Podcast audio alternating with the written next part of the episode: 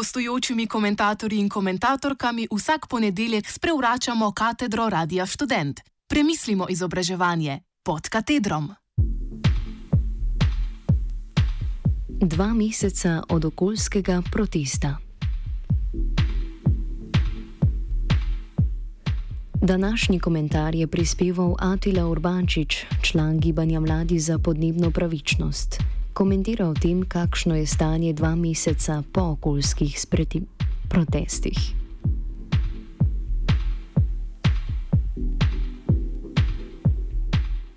Čez dva dni, torej 15. maja, bosta minila točno dva meseca od največjega okoljskega protesta v zgodovini Slovenije. Tako kot se je na slovenskih trgih praktično čez noč zbralo na tisoče mladih in tudi nekaj starejših, je tudi čez noč zraslo gibanje mladi za podnebno pravičnost. A resnih političnih premikov se ne dosega čez noč.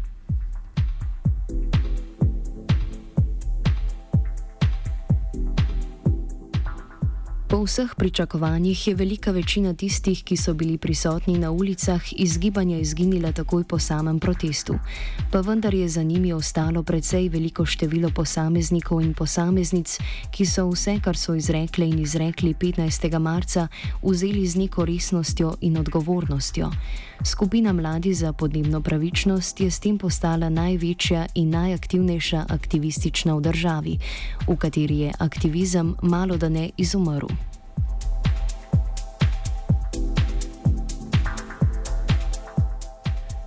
Od protesta, na katerem smo zahtevali premik najpomembnejšega in prvega resnično planetarnega političnega vprašanja v spredje političnega in širšega javnega diskurza, se je zgodilo ob enem preveč in premalo. Preveč v smislu operativnega dela znotraj gibanja, ter premalo v smislu sprememb političnega vzdušja.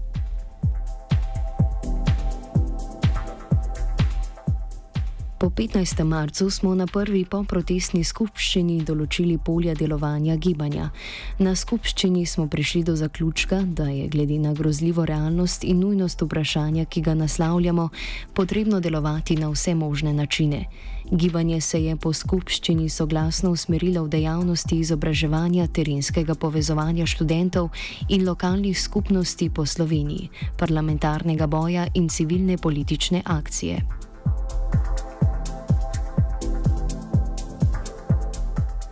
Na vsakem izmed naštetih področji tudi delujemo. V zadnjih dve, dveh mesecih se je v okviru mladih za podnebno pravičnost zvrstilo približno 20 dogodkov, ki se bodo nadaljevali tudi v prihodnje. Predstavniki MZPP-ja so v tem času predavali v Mariboru, Lenartu in Kopru, redno izvajamo bralni seminar, med drugim pa smo gostili tudi dva zunanja predavatelja.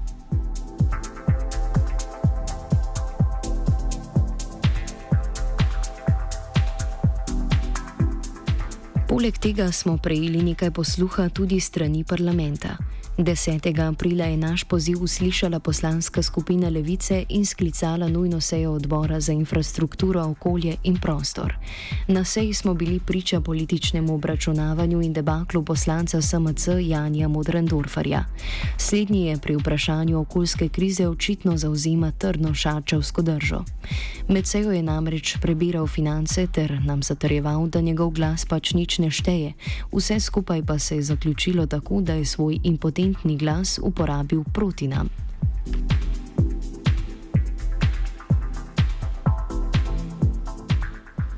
Na vkljub temu je odbor v neki meri sprejel vseh pet izhodiščnih sklepov. S tem so podprli ozelenitev proračuna, prehod na obnovljive vire energije, predčasno in pravično zaprtje termoelektrarne Šoštan in pripravo načrta za zmanjševanje emisij toplogrednih plinov v skladu z zavezami Pariškega sporazuma o podnebnih spremembah. Vsi sklepi, razen enega, so preživeli v izvorni obliki. Poslancem se je zataknilo le v primernu termoelektrarne elektrarne Šuštan, kjer niso želeli sprejeti numerične opredelitve besedne zveze predčasno zaprtje.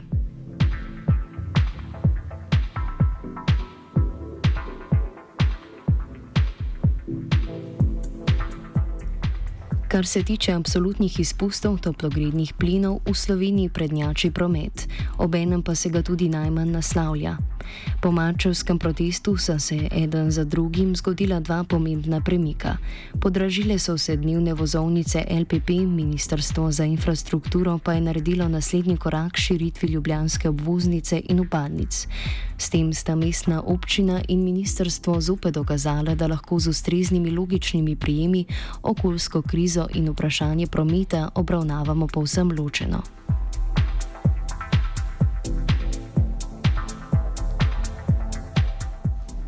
Pod sloganom Ljubljana proti podražitvam smo 1. aprila organizirali prostorsko intervencijo pred mestno hišo.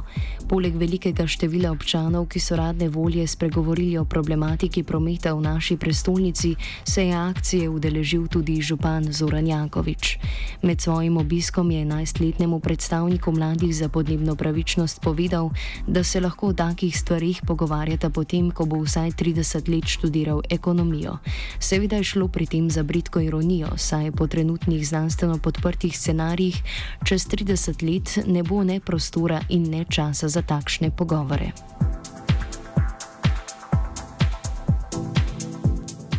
Okoljska kriza žal ne počiva, ko o njej ne razmišljamo je velik in grozeč objekt, ki je neposredno vezan na našo eksistenco.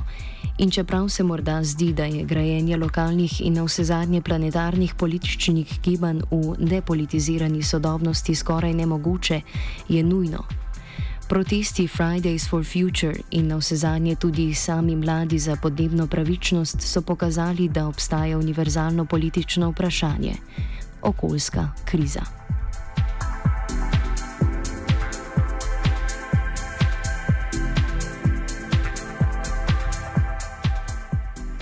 Odpoved. Današnji komentar je prispeval Atila Urbančič, član gibanja Mladi za podnebno pravičnost.